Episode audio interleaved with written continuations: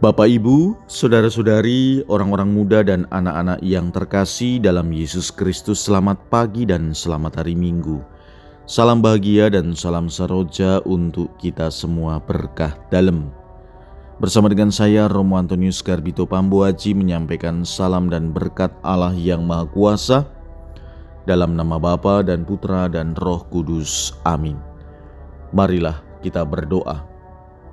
Allah Bapa yang Maha Pengasih, dalam diri Yesus Kristus Putramu Engkau telah hadir di tengah-tengah kami sebagai orang yang dihina dan dianiaya. Kami mohon bukalah hati kami untuk memahami misteri penderitaan putramu itu, serta jadikanlah kami bersedia mengikuti jejaknya sambil memanggul salib kami sendiri. Sebab dialah Tuhan dan pengantara kami yang bersama dengan dikau dalam persatuan roh kudus, hidup dan berkuasa Allah sepanjang segala masa. Amin. Hari ini Minggu 10 April kita memasuki hari Minggu Palma, mengenangkan sengsara Tuhan. Bacaan pertama dalam liturgi hari ini diambil dari kitab Yesaya bab 50 ayat 4 sampai dengan 7. Bacaan kedua diambil dari surat Rasul Paulus kepada jemaat di Filipi bab 2 ayat 6 sampai dengan 11.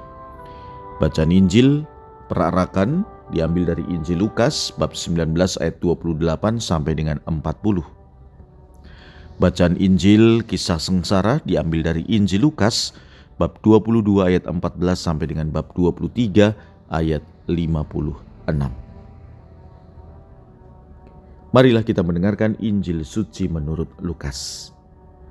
Dalam perjalanannya ke Yerusalem ketika telah dekat Betfage dan Betania, yang terletak di gunung yang bernama Bukit Zaitun, Yesus menyuruh dua orang muridnya dengan pesan, Pergilah ke kampung itu, kamu akan mendapati seekor keledai muda tertambat yang belum pernah ditunggangi orang.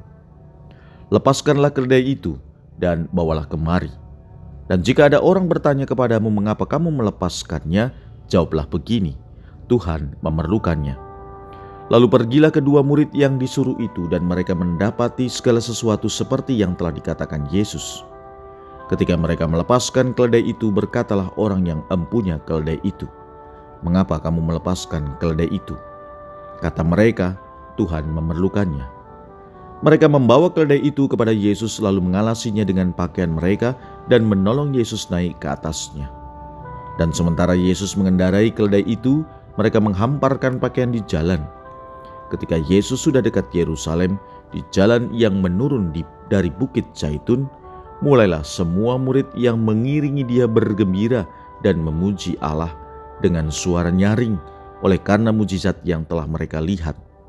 Kata mereka, diberkatilah dia yang datang sebagai Raja dalam nama Tuhan, damai sejahtera di sorga dan kemuliaan di tempat yang maha tinggi. Beberapa orang Farisi yang turut dengan orang banyak itu berkata kepada Yesus, "Guru, tegurlah murid-muridmu itu." Jawab Yesus kepada mereka, "Aku berkata kepadamu, jika mereka ini diam, maka batu-batu ini akan berteriak." Demikianlah sabda Tuhan. Terpujilah Kristus. Bapak, ibu, saudara-saudari yang dikasih Tuhan, Mulai hari ini kita memasuki pekan suci. Selama sepekan kita akan merenungkan kisah tugas perutusan Yesus yang memuncak dalam pengorbanannya di kayu salib.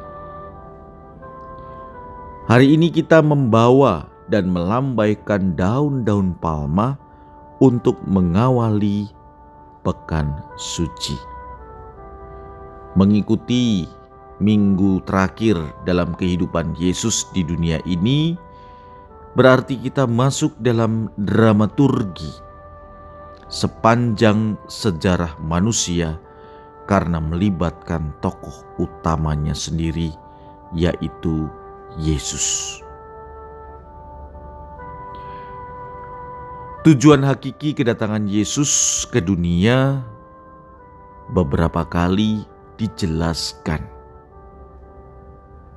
yaitu untuk mewujudkan keselamatan dan kerajaan Allah bagi manusia. Nampak jelas karena sebagai raja ia dielu-elukan dengan kirap sukacita meriah sebagai pembawa damai dan kemudian dihadirkan kisah sengsaranya. Beberapa kali Yesus mengingatkan para murid tentang perjalanannya ke Yerusalem untuk menderita dan dibunuh. Yesus sadar bahwa keselamatan umat manusia itu bergantung penuh dari pengorbanannya di kayu salib. Karena itu, dia membiarkan dirinya dielu-elukan umat dengan seruan yang jelas dikatakan dalam Injil hari ini. Diberkatilah dia yang datang sebagai Raja dalam nama Tuhan, damai sejahtera di surga dan kemuliaan di tempat yang maha tinggi. Kisah sengsara yang juga kita dengarkan dalam perayaan Ekaristi hari ini menggambarkan perasaan yang kuat dan cinta yang mendalam. Dia sungguh seorang raja, tetapi kerajaannya bukan dari dunia ini. Kerajaannya adalah kerajaan sorga, namun ditolak dengan tegas oleh para penguasa dunia. Tetapi justru di Yerusalem, kota Raja Daud inilah dihadirkan dan dikukuhkan karya keselamatannya, yaitu ketika Sang Raja Damai ditahtakan dengan dipaku pada kayu salib dan dipenetrasikan di bukit Golgota bagai istananya. Kisah sengsara yang kita dengarkan dalam perayaan hari ini mengajarkan kita bahwa aneka penderitaan yang hampir selalu kita hindari sesungguhnya tetap mempunyai nilai ilahi. Kita tahu bahwa tidak ada satu pribadi pun di dunia ini yang hidup tanpa mengenyam penderitaan. Karena itu, ketika kita mendengarkan kisah sengsara hari ini, kita dapat berbagi penderitaan dengan Yesus supaya kita dapat mengenyam sebagai bagian dan peristiwa iman yang menyelamatkan.